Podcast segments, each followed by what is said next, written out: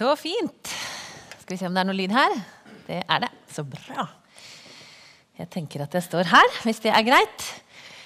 Så koselig å være her. Det er jo fantastisk å komme til Skien misjonskirke, og så heter det 'Velkommen hjem'. For for meg er det jo eh, faktisk hjem når jeg skal til Porsgrunn og Skien. Mine foreldre bor i Porsgrunn, og eh, jeg sier jo likevel at jeg kommer fra Skien. Eh, de er veldig forvirra på det, nede i Kristiansand, der jeg kommer fra. Eh, men Nei, der jeg ikke kommer fra, der jeg bor. Sånn var det. Ja, ja. Man blir forvirra. Så det var et fint tema. Og eh, i dag så skal vi faktisk på en måte besøke det temaet 'Velkommen hjem', og ikke minst fellesskapet rundt bordet veldig sånn fra et familieterapeutisk perspektiv. Fordi at det er helt riktig, sånn som du sa, jeg er både pastor og familieterapeut. Og Forrige gang jeg var her, så snakka jeg mye om på en måte min trosreise. egentlig. Det var, jeg delte mye, mye av det på godt og vondt. Eh, og i dag er det litt annerledes. Jeg håper at dere kommer til å le litt. Eh, mest av alt så håper jeg at vi får noe som vi kan ta med oss ut i hverdagslivet. Eh, som, eh, vi har jo flest hverdager. Og vi tror at Jesus er en del av akkurat det hverdagslivet som vi har. Og eh, Martin ringte meg og sa du må snakke litt om det her bordet. Eh, og da sa jeg er det greit hvis jeg bare sier det til å begynne med. Så har jeg liksom nevnt det. da er vi ferdig med det. Men greia er jo det at det er jo rundt bordet at vi på mange måter Altså hvor livet vårt utspiller seg. Eh, jeg vet jo ikke hvordan eh, måte, ditt bord ser ut i dine hverdager. Men jeg har vært litt sånn, ja, vært og sett for meg det bordet som er eh, min hverdag nå. Det er et bord med to gutter. Eh, når vi skal spise middag, så er det en gutt på fem og en gutt på 16. Og en mann på snart 50. Og meg. Og så er det en tom stol, for at det husets eldstemann har flytta hjemmefra. Og den setter jo ingen seg på, for den er hennes selv om hun ikke er der. Det er liksom mitt bord akkurat nå. Og der lever vi ut eh, oss selv, altså. Eh, og hvis dere har det litt sånn som oss, så tenker jeg jo at, eh, at dette bordet som vi har, har, hatt og har, det er jo mange, mange av mitt livs gode og viktige samtaler og, og litt sånn dype opplevelser har skjedd rundt eh, både et middagsbord og det fellesskapet som et måltid er. Og noen av de styggeste kranglene og de gangene jeg har blitt den dårligste utgaven av meg sjøl, det er òg ved bordet. Det var en gang jeg faktisk reiste meg fra bordet og låste meg ute. Jeg var så sinna på de som satt rundt her. Jeg trengte å få litt space. Så eh, da har dere kanskje skjønt at denne talen kommer til å handle veldig mye om hvordan vi har det rundt bordet. Og jeg skal ta utgangspunkt i parforholdet. Eh, fordi at mange bordfellesskap og etter hvert familier begynner jo med et parforhold. Eh, sånn at jeg kommer til å snakke mye om det å være et par. Og så tenker jeg at det, det, passer for noen, og så passer det ikke like godt for alle. Men jeg håper at det har overføringsverdi, at du kan tenke det. Dette handler om de nære relasjonene vi har til barn. Det handler om våre nære venner og kollegaer som vi forholder oss til i dagene våre. Og den opprinnelsesfamilien vi har og er en del av. Og det handler jo også noen ganger om relasjoner vi bærer inni oss til mennesker som ikke lever lenger, men de er fortsatt med og påvirker oss. Men jeg har jo en sånn liten eh, mistanke om at eh, å snakke om parforhold og ekteskapet det, det, kan vekke litt ulike følelser i en forsamling som er stor. Sånn som det er i menighetene våre. Heldigvis. For, for noen så er det, veldig, det er et fint tema. Det passer godt, for du er en del av et par. Du har en partner, du lever i et parforhold, og det er en god ting. Og da er det ganske greit å skulle høre noe om det. For andre så er det det temaet som eh, gikk i stykker i livet. For du, hadde, du var en del av et par, og så virka ikke det. Eller det, det gikk ikke. Og noen har mista sin andre. Og noen bare lengter etter, at den andre skal komme.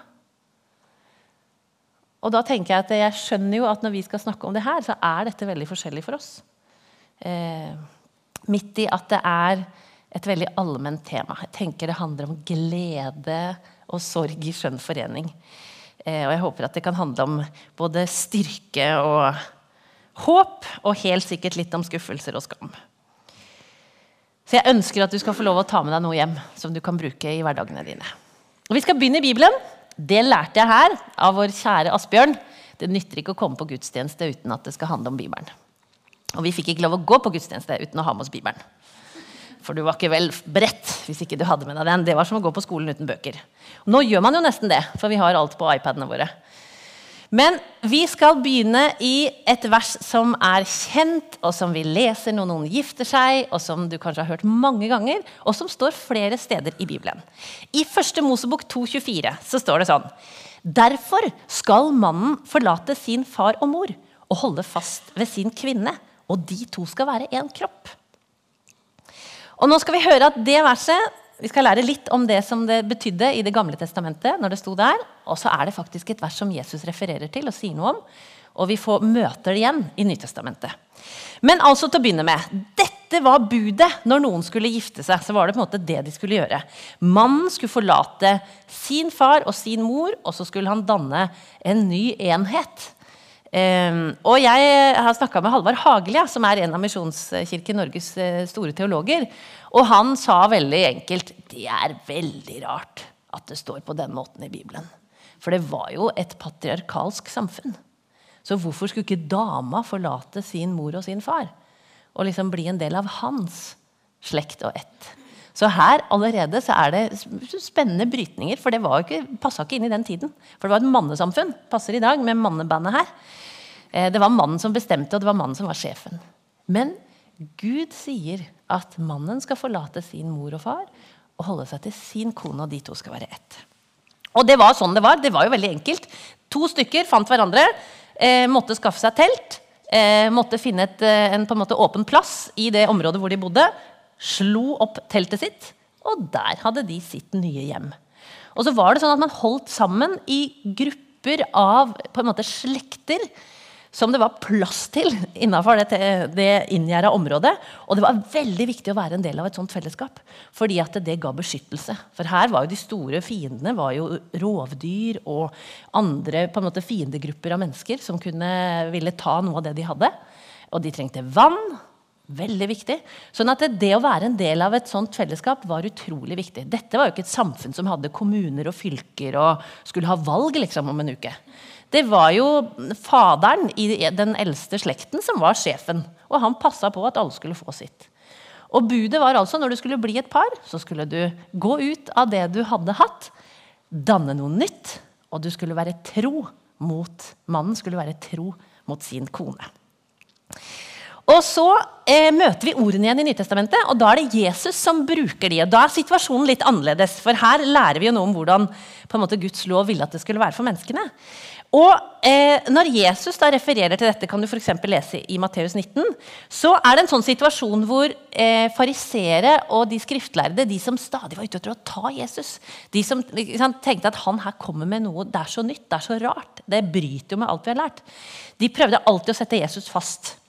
Og dette med ekteskap og skilsmisse, det var tricky da som nå. Og så tenkte de at nå skal vi virkelig få tatt Jesus, nå skal vi stille ham til veggs i et eh, etisk dilemma. Så de forteller jo, liksom, eh, sier til Jesus du, er det rett eller galt å skille seg.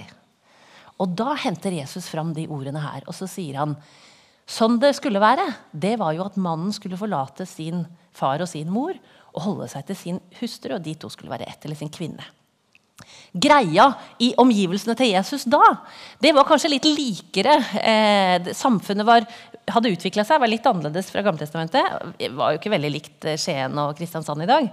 Men, men, det hadde skjedd nye ting. Og det var sånn at det hadde utvikla seg religiøse skoler som mente litt ulikt. Eh, og i Gammeltestamentet er det nemlig en skilsmisselov. Det var lov å skille seg. Eh, og den eh, hadde en ordlyd som eh, var sånn at du kunne ikke det, det, var ikke hvilken som helst grunn til at du kunne skille deg. Men det var lov å skille seg for en mann hvis han ikke lenger brydde seg om sin kone. Det var, ikke, det var ikke lov for en dame å skille seg. Hun hadde ikke den retten og hun hadde, hun hadde ikke den friheten og den selvstendigheten. Hun var ingen juridisk enhet. Men en mann kunne skille seg hvis han ikke lenger brydde seg om henne. Og de konservative de mente det gjelder bare hvis hun har vært utro. Og så var det en hel haug med andre mennesker som mente Åhå, det kan bety mange ting. Og her begynner det å bli veldig morsomt. da. For at hvis din kone svidde maten Hvis hun gikk med håret løst Hvis hun snakka stygt om mannens familie, så han hørte det Eller eh, hvis hun kommuniserte med andre menn på åpen gate Det var veldig uhørt, da. Og her kommer det beste. Hvis hun var en høyrøsta skravlebøtte Da hadde han lov å skille seg fra henne, mente de. Og høyrøsta skravlebøtte det betydde at, at, de i nabohuset kunne høre hva hun sa. Det var veldig, det var veldig praktisk. Hvis du snakka så høyt at naboen hørte det, da var det lov å skille seg. Så min kjære mann, jeg vet ikke, han hadde slitt. Og så, ikke sant? Så det på en måte interessante med det her, det er jo at fariseerne prøver å sette Jesus fast i et slags dilemma hvor det er noen som er for, og noen som er mot. Og, og, egentlig så står de der og så sier de, ja, Jesus, er du konservativ eller er du liberal? Og da sier jo Jesus det er jo ikke det det handler om. Det er ikke det det handler om i det hele tatt. For han svarer jo at skilsmisse er ikke bra. Det var ikke det Gud ønska for mennesker. At den pakten skulle gå i stykker. Og så vet vi jo at det skjer. Eh, og så vet vi på en måte, Det er nesten, tenker jeg sånn at det er en liten trøst for meg. Det var vanskelig for de å høre der og da òg. Fordi at folk ble skilt, og det var vondt, og det var et dilemma for de som lytta til det Jesus sa. Og Disiplene de ble så mismodige at de sa bare til Jesus hvis det skal være så vanskelig, da er det jo mye bedre å bare la være å gifte seg. Så sa Jesus ja, men det er ikke det det handler om. For det vil mennesket trenge. Og faktisk også så refererer Paulus til de samme ordene. Nå skal ikke jeg gå inn i det, Men han nå tar fram det og snakker om dette Guds bud om at mannen skal forlate sin far og sin mor. Eh, egentlig i en kontekst og en ramme hvor han beskytter kvinnen og gir kvinnen en trygg plass. For ekteskapet var jo også den viktigste samfunnsordningen på denne tida. Det var der du var trygg, og det var der du fikk på en måte det du trengte. Og det tar oss jo videre da, i liksom, hva, hva er et ekteskap? Ehm, og i eh, det jødiske ordet kiddushin, som jeg kanskje regner med at ikke så mange av dere hadde hørt før, sånn som meg, så betyr det faktisk at det er noe som er helliget, eller det er vigsla. Og det innebar at, at mannen var vigslet, eller gitt, helliget til sin kvinne, og kvinnen var vigsla til han. Jeg leste i en, Etter hvert begynner det å bli en gammel bibelkommentar. Og da sto det i denne bibelkommentaren at hvis ekteskapet skal lykkes, så må du tenke, på mer enn, du må tenke mer på den andre enn på deg selv. Og det er faktisk ikke umoderne. Men det er vanskelig. Og opp gjennom historien så vet vi jo det at ekteskapet har, har, på en måte hatt mange betydninger fra at det er en juridisk kontrakt, det er en viktig samfunnsordning, det er en ramme for livet vårt, det er en beskyttelse for både voksne og barn. Det er på mange måter like mye i dag grunncella i samfunnet. Sånn som det var grunncella i det jødiske samfunnet når det ble liksom et nytt telt og en ny enhet. Og nå skal vi liksom snakke om én eh, måte som du kan tenke om eh, ekteskapet på. Og det er at det er en emosjonell kontrakt. Og jeg vet ikke om du tenkte det. Skrev, vi skrev jo under på en kontrakt da vi blei gift. Det sto ikke så mye om følelser i den eh, kontrakten jeg skrev på.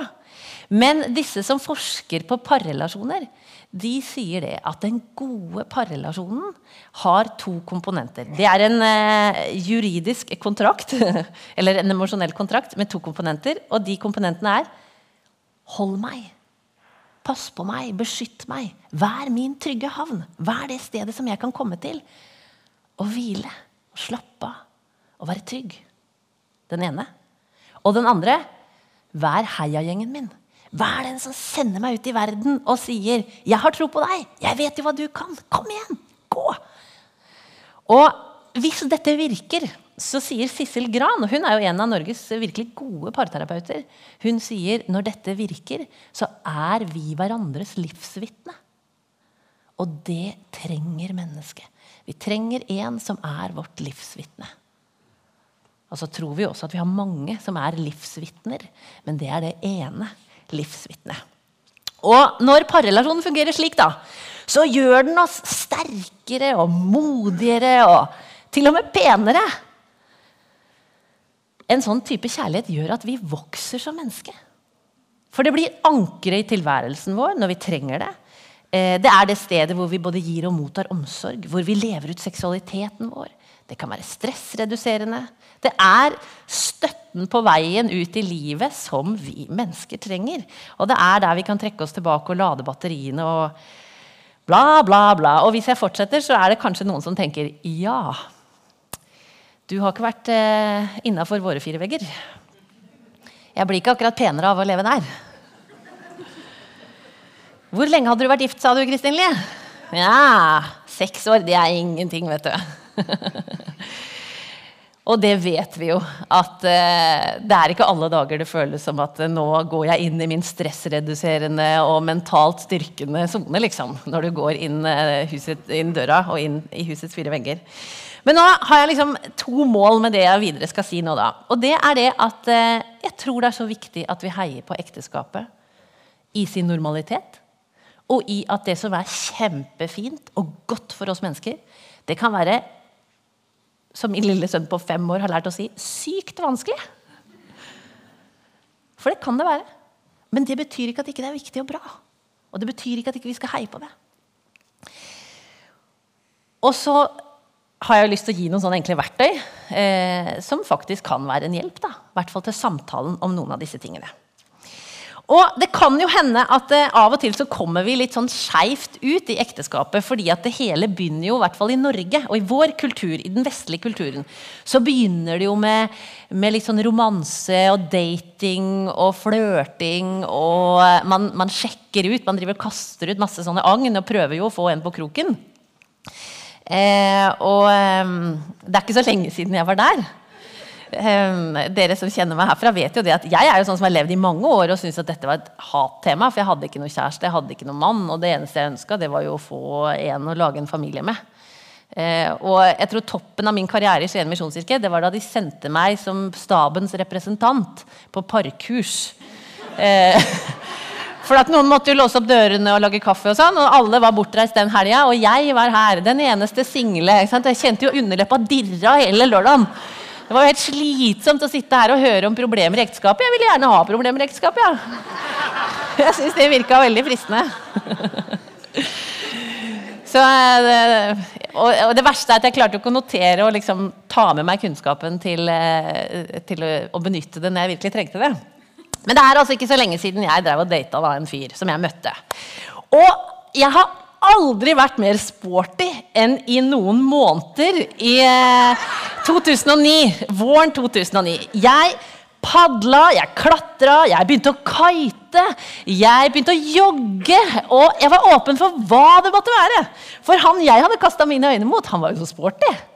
Så jeg skjønte at her, dette er liksom arenaen. da. Så jeg kom syklende på jobb med hjelmen eh, ikke sant, og passa på å gå i sånn eh, sportstøy. og og det, så, det, gikk ikke så lang tid før eh, jeg i samtale med broren min da, fortalte om et eller annet vi skulle ut og gjøre. Så sier han bare tørt Ja, så du har ikke slutta å drive med å imponere enda, nei?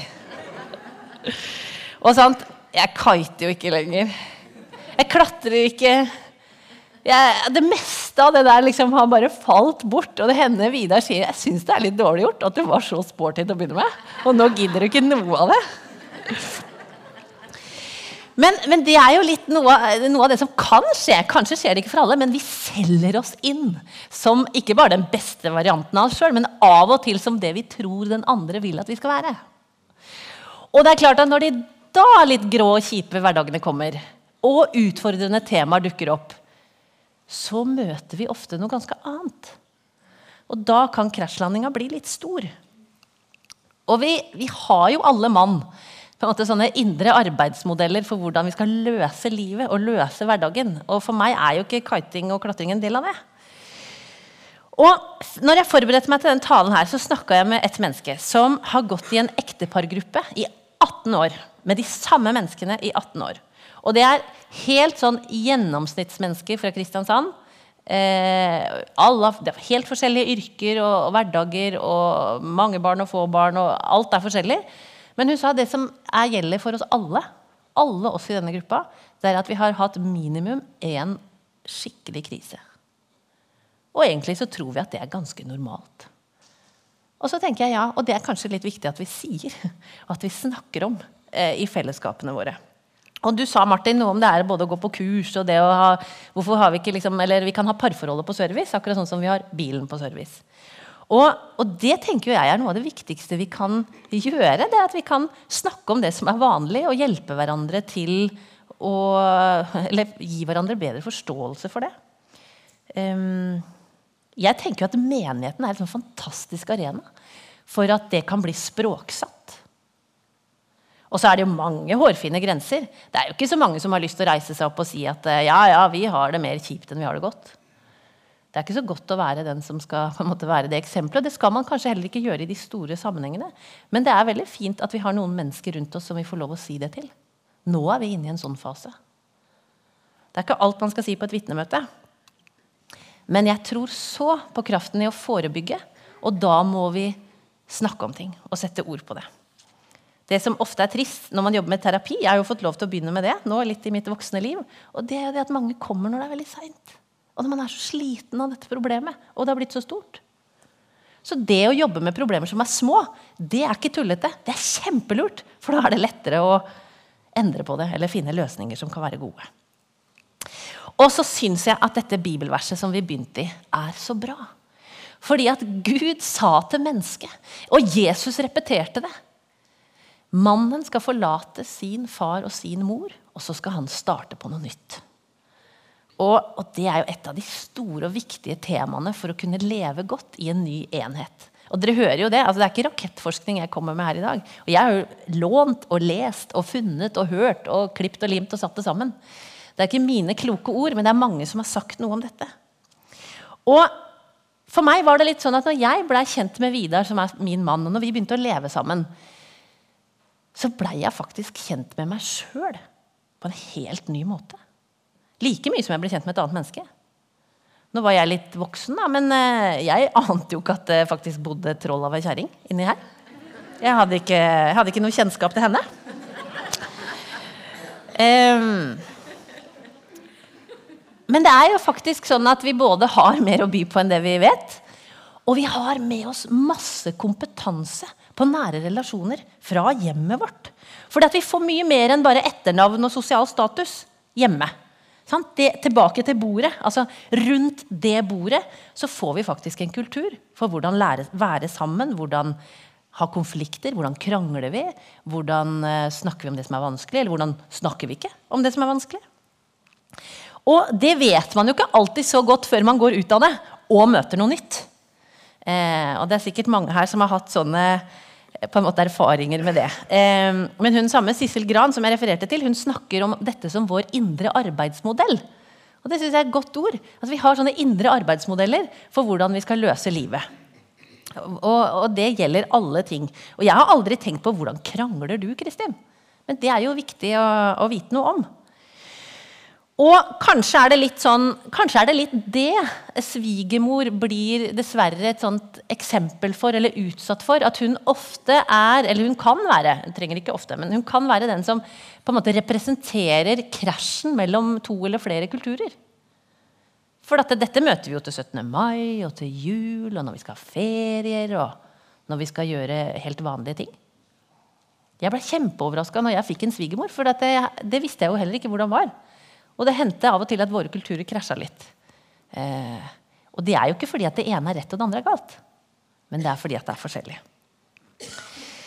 Og så syns jeg at Bibelen da forsøker å lære oss noe kjempeviktig. For vi skal faktisk på en eller annen måte gjøre et brudd med det vi kommer fra, og så skal vi starte noe nytt.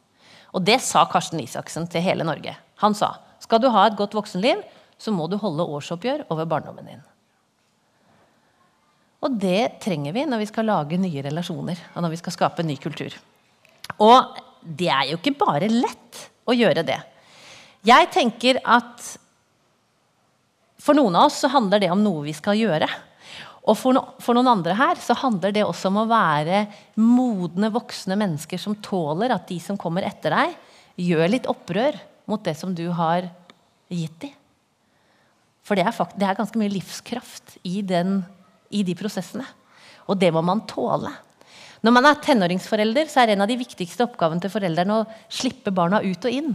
Alltid være der, alltid være trygg, men samtidig la de få lov å slippe ut og slippe ut. Og det er jo vanskelig. For man har brukt hele barndommen på å på en måte akseptere at der kom du, et nytt medlem av mitt liv.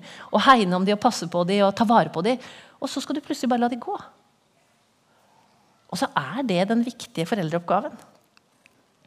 Og det er sikkert noen her som har hatt sånne årsmøter og årsoppgjør over barndommen sin. Og noen ganger må vi vel kanskje ha det litt igjen og igjen. Og nå tenkte jeg bare skulle gi dere to sånne Det er jo litt sånn snacks for å reklamere for Prepp. Eh, og det er ikke så mye mer jeg skal si enn de to tinga. Jeg aner ikke hvor lenge jeg holdt på. Jeg sa til Martin at det kunne hende det ble litt langt i dag. Um, men det er liksom to, to, viktige ting jeg skal si nå. Det går litt mer sånn på detaljnivå. Fordi at eh, Jeg vet ikke om du har tenkt over, men hvordan, hva slags kultur, kranglekultur har dere i deres hjem? Eller har du i ditt hjem? Eller hva kom du fra? Så nå skal vi se på noen sånne kranglestiler. Eh, og det er det prep. Dette er jo Modum Bad sitt eh, ekteskaps- og samlivskurs. Og det er henta fra Amerika. Der kommer alle de gode tingene. vet du. Og eh, det bra med det, det er at det er forskningsbasert. Det er forskningsbasert over mange år. mange tiår. Og de er opptatt av én ting. Folk som holder sammen, er ikke folk som har det fantastisk og alltid bra og aldri krangler eller ikke har problemer. Folk som klarer å holde sammen i et livslangt samliv, er de som finner konstruktive løsninger på det som er vanskelig for oss. Og en ting det kan være nyttig å vite noe om, det er hvordan vi krangler. Nå skal dere få da, Det de faktisk har klart å finne ut av, er liksom de fire hovedstilene. Det ene heter opptrapping. Jeg tenkte jeg skulle bruke et eksempel som er veldig kjent i Norge. For det kommer fra en reklame. Dere har sikkert sett ho hun eller han som kommer hjem og har glemt å kjøpe ost. Det er en fantastisk reklame. Opptrappinga kan jo være litt sånn da, at den ene har sendt den andre av gårde på butikken, og idet den gikk ut, ropt 'Husk å kjøpe ost, da! Vi er tomme for ost.' Og kommer hjem uten ost. Og da er opptrappinga litt sånn 'Hæ? Kjøpte du ikke ost? Har du ikke kjøpt ost?' 'Er du gæren? Glemte du å kjøpe ost?' Jeg bare orker ikke mer av dette ekteskapet! Og så er det sant da, at ost er ikke bare ost. For det kan være ganske viktig. Eh, den neste er ikke så veldig lett å bruke det eksempelet på, men jeg tror dere forstår veldig godt hva den eh, innebærer. Den heter tilbaketrekning. Og det er de som bare går istedenfor å krangle. Altså Krangelen skjer aldri fordi at den ene bare forsvinner. Og det kan være at du fysisk går ut. Jeg kjenner noen som, ha, som levde, vokste opp sånn i en sånn familie, og da gikk alltid mammaen. Hvis noen begynte å krangle, så bare gikk hun. Fra middagsbordet. Så det bordet, rundt det bordet lærte man at når vi snakker om vanskelige ting, nei, da går vi. Det er litt skummelt. Men det kan òg være veldig mentalt. Det trenger jo ikke å være fysisk at du går, men at du isolerer deg og ikke vil være til stede i den samtalen. Så den ville sannsynligvis ikke si så mye om den osten, men bare bli veldig stille. Nedvurderinga den er jo ikke så fin. De som har kanskje det litt som sånn hovedstil, da, det jo, kan jo høres noe sånn som dette ut når da den ene kommer hjem og har glemt å kjøpe osten. Nei. At jeg i det hele tatt kunne tenke at du kunne huske på noe så enkelt som ost, det er jo ikke greit. Altså, Du har jo så dårlig hukommelse, og kjære vene, at jeg kunne være så dum. Du har vel ikke huska noe siden vi gifta oss? Så nei. Ah, sier vel mer om meg enn deg. Kanskje ikke så greit. Og så har du den siste. Den liker jeg kjempegodt. Kjøpte du ikke ost? Glemte du å kjøpe ost? Det er det jeg sier. Du bryr deg ikke om meg! Jeg er ikke viktig for deg! Du kjøpte ikke ost. Det var det siste jeg sa til deg.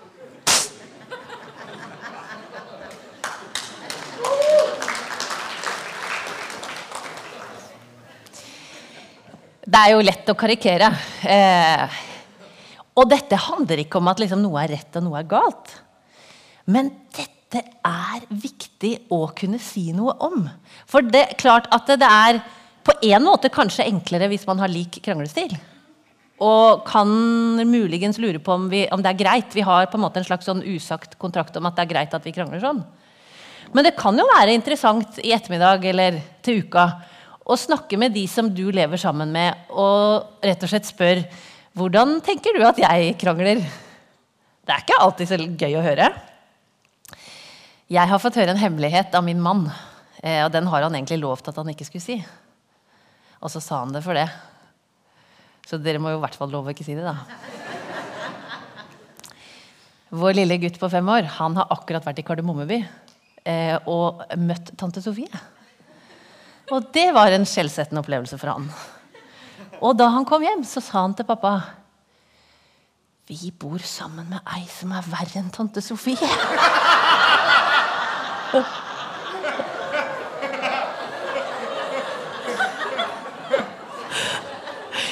Men da liksom, da Vidar prøvde å få dette som samtaleemne rundt middagsbordet, så ble Marius helt taus.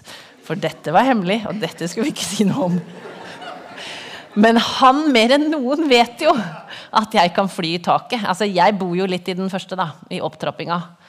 Eh, når han ikke vil gå i barnehagen, og når han ikke vil ta på seg den buksa jeg hadde tenkt at han skulle ta på seg, når han ikke vil spise maten, for det passer ikke han for. Sant? Det er ikke så behagelig, men det kan være veldig interessant å spørre de som har levd med deg. Hvordan tenker du at min kranglestil er? Og hvis du vil ta det videre, så kan du faktisk også spørre den andre. Eller de andre. Er det greit for deg? Eller hva trenger du når jeg blir sånn? Var det noe jeg kunne gjort annerledes som ville kanskje gjort at det var litt bedre? Eller kan vi ha et slags kodespråk? Alarm rød. Tante Sofie er på vei inn. det kan være hjelp. Det kan være hjelp for oss til å ikke såre hverandre og skade hverandre. For det står i Bibelen, og det er sant, det er jo ikke synd å bli sint. Men vi kan veldig lett gjøre ting som skader andre når vi blir for sinte. Så skal jeg ta meg en sånn siste ting, eh, som òg handler litt om disse tingene her. Og som bare er en måte å gi litt språk til hvordan vi er sammen. Og som kan også være en hjelp til å på en måte forstå litt av vårt samspill. Da. Og handler, for Mye av dette handler om tilknytning og tilknytningsstil. Og når disse forskerne sier at eh, parrelasjonen er en emosjonell kontrakt, så handler det om tilknytning. Og, noen av dere kjenner kanskje til sånn som KOS-veiledning man kan få som, eh, på familiesentre, og som handler om hvordan man skal veilede, være voksen i møte med barn. Og så tenker man at det er egentlig helt likt i parforholdet. Vi trenger at, den, at vi er hverandres trygge havn, og vi trenger at vi er hverandres heiagjeng på vei ut i livet. Og en ting de også har funnet da, det er jo at Vi har jo litt ulik stil på og eh, på en måte, hvordan møter vi stresset? Når vi blir oppkava, når det blir vanskelig, når det skjer noe rundt oss, hva gjør vi da? Og da sier de at liksom vi har tre sånne hovedmåter å, å, reagere på. Det er ingen som liker å bli plassert i båser. Og det er mye lettere å plassere andre enn seg selv. Så det du skal gjøre nå, det er ikke å plassere kona di, men det er å tenke ja, er det noe av dette som kan stemme på meg? Og er, Da kaller de det for ankeret, øya og bølgen. Og det er at veldig mange mennesker, veldig mange mennesker, og når du har når du har lært på en måte at livet er trygt, så er du litt som et anker. Og blir det storm, så vet man at man må ankre opp og ligge rolig og vente til stormen går over. Og det går bra, som regel. Og flesteparten av Norges befolkning faktisk, eh, de regner med at sånn ca. 60% er der. Så det er jo betryggende. Vi regner med at de sitter inne i Skien misjonskirke i formiddag. Men så er det to andre måter man kan ha lært. Eh, og dette handler også om disse indre arbeidsmodellene. Og det er andre måter man kan ha lært å reagere på når det blir skikkelig press og stress inni meg og rundt meg. Og Det ene det er å bli som en øy, og det er jo å isolere seg. Og det andre det er å være som en bølge som gjør det motsatte. Som kaster seg rundt for å liksom lete etter noe å strande mot. Øya trekker seg på en måte helt inn i seg selv. For å tåle dette stresset så må jeg bare være sammen med meg selv. Og bølga gjør det motsatte leiter etter noen som jeg kan slå mot, sånn at jeg kan liksom finne den motstanden jeg trenger, eller det, det, trygge og det faste. Det som kan være ganske krevende, det er å være en, eh, en eh, øy og en bølge som lever sammen. For da responderer man veldig sånn motsatt. Og i stress så aktiverer man hverandres sånn uh, virkelig kamptaktikk. Um, og Vi har holdt noen sånne parkurs da, nå de senere tida, og en gang jeg var et sted, så begynte de bare å le. når jeg begynte å snakke om det her. De begynte å le skikkelig høyt. Og I pausa så kom et par fram til meg og så sier de Du skjønner det, at jeg er en øy langt ute i Stillehavet. Og kona mi, hun er en tsunami.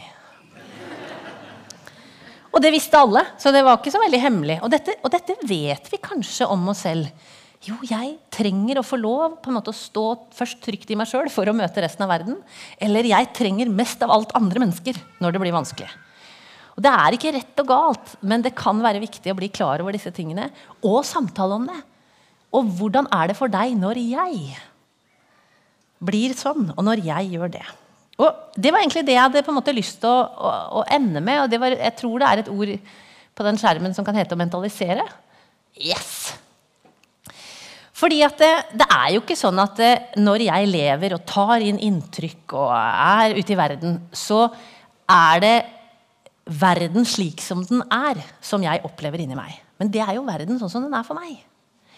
Og en av livets viktige arbeidsredskaper det er jo å evne å mentalisere. Det er å forstå at inni deg oppleves verden annerledes enn den gjør inni meg. Eh, og ingen leser tanker. Derfor trenger vi å snakke sammen. Jesus visste jo hva som foregikk inni den andres verden. Og det var jo det som er fantastisk med mange av de fortellingene vi kan lese i Det nye testamentet. Hvor Jesus kommer, setter seg ned, blir værende med i en samtale, møter noen. Så visste han, bare når han møtte dem, så visste han hva som foregikk inni dem. Og for meg så er det jo sånn at Noen av de store møtene, gudsmøtene eller gudsopplevelsene er jo at jeg har fått en fornemmelse av og en erfaring av at Gud vet hvordan det er inni meg. Og han vet hva jeg trenger. Så snakker han til det. Og min utfordring, eller jeg tenker håpet og mulighetene, ligger jo at vi kan utvikle vår evne til å mentalisere. For det går det an å øve seg på. Lære seg. Og det begynner jo bare med at vi snakker sammen og spør hvordan er dette for deg. Og ikke går i kampsonen. Og så syns jeg at det viktigste håpbudskapet eh, som det kanskje var på en måte lett å knytte an til denne talen, det er jo at Jesus er den personen for alle mennesker. Han er den som vet hvordan alle har det. Og han er også den som ønsker å bo på vår innside. Og få lov å være den andre gode stemmen som kan snakke til oss. Og som kan være vår, på en måte dypest sett vår partner. Og etterpå så skal det være nattvær, og det er jo en invitasjon inn til et bord og inn til et fellesskap som er helt unikt. Som alle mennesker trenger. Som ingen er altså som, Der vi alle er like. Og der ingen av oss har noe å stille opp med. Og som Jesus ga alt for alle mennesker, sånn at vi kunne få lov å komme og være en del av det bordfellesskapet. Så selv om det nå i dag har handla masse om eh, deg og meg her, så tenker jeg at eh, verdens viktigste eksempel for kjærlighet, det har vi i Jesus. Og verdens kilde til kjærlighet har vi hos Jesus. Og så får vi også lov å gi det til hverandre og dele det med hverandre. Det er fantastisk. Og det er skikkelig slitsomt. Og lykke til med å være gode par og gode familier og gode mennesker i Skien. For det er en av de fine gavene vi kan gi samfunnet vårt. Det er å være gode enheter som tåler livet sammen, og som gir det videre til de vi møter på vår vei. Jesus, takk at du er her sammen med oss. Vi ser deg ikke, men uh, av og til kan vi jo fornemme deg eller føle deg. Og uh, mange ganger må vi kanskje bare tro på det ordet. At du er til stede der hvor to eller tre er samla. Takk for at du har elska oss. Og så har du gitt oss et bud, og det er å elske hverandre. Og Jesus, jeg ber om at du skal gi oss nåde til å elske de som er en del av vårt liv. Du vet at For noen så er det fint, det er godt, det har vært bra. Og for noen her inne så er det nettopp det som er vanskelig i livet akkurat nå. Og gode Hellige Ånd, jeg ber om at du skal gi oss kraft og mot og være vår trøster og være vår veileder i de vanskelige situasjonene. Takk for at du kan også skape noe nytt der hvor det har gått i stykker. Og takk for at våre liv er trygge i dine hender. Og derfor er det trygt å legge oss framfor deg og be deg om å velsigne våre liv. Amen.